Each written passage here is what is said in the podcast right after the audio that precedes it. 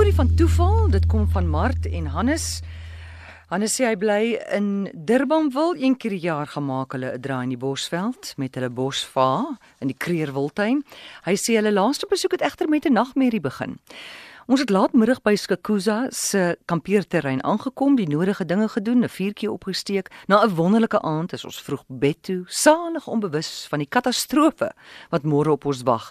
Na 'n nagrus wat 'n mens net in so 'n wonderlike omgewing ervaar, word ek die volgende oggend om en by 6uur wakker.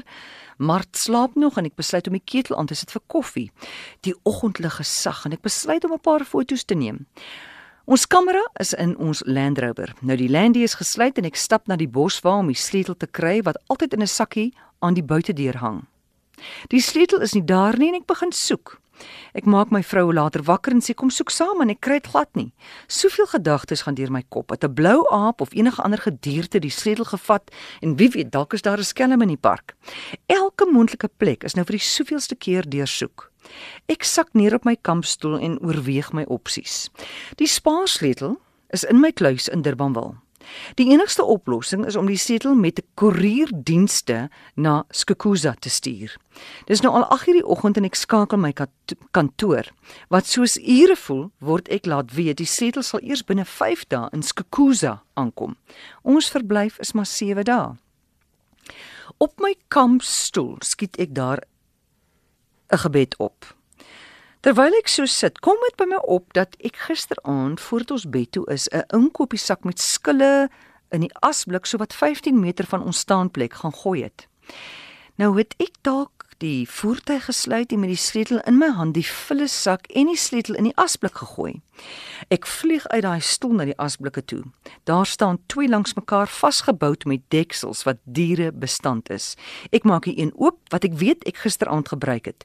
Die plastieksak binne-in is skoon, soek die ander een.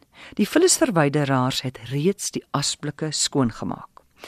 Die volgende oomblik kom 'n parke raad bakkie met 'n swart tralie verby met 'n hooggelaaide vragvolle sakke en hulle stop in die pad so eentjie van ons staanplek af. Ek hardloop soontoe, ek verduidelik my dilemma aan die bestuurder, 'n vriendelike bejaarde man.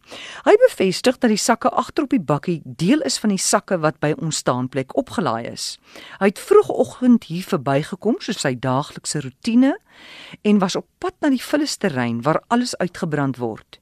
Die oggend het hy sy baadjie vergeet in die deel van die park waar ons gestaan het. Dis hoekom hy nou weer by ons verbygery het. Ons twee staan langs die bakkie met sy groot vragsakke. Al die sakke is swart. Dit kom by my op dat ek gisteraand in my koplamp gesien het die volle sak in die houer was groen waarin ek my sak gegooi het. Hoe ek dit onthou kan ek nou nie onthou nie. Ek weet dit net. Ek vertel die man van my vermoede. En sy antwoord is: "Sir, we ran out of green bags. There might be one or two green bags on the bakkie." Ons begin die swart sakke afgooi, nie minder nie as 50. Daar's nie twee groen sakke op die bakkie. Kan jy my geluk glo? Hy begin grawe in die, een en ek in die ander ene. Maar ons is narstiglik op op soek na daai stedels. Oh, die volgende oomblik voel ek iets hard hier en ek, en ek gryp weer daarna en amore my sedel kom te voorskyn. Woorde kan nie die oomblik beskryf nie. Al wat ek kan onthou is die ou man se woorde. Almighty God is with you today, sir.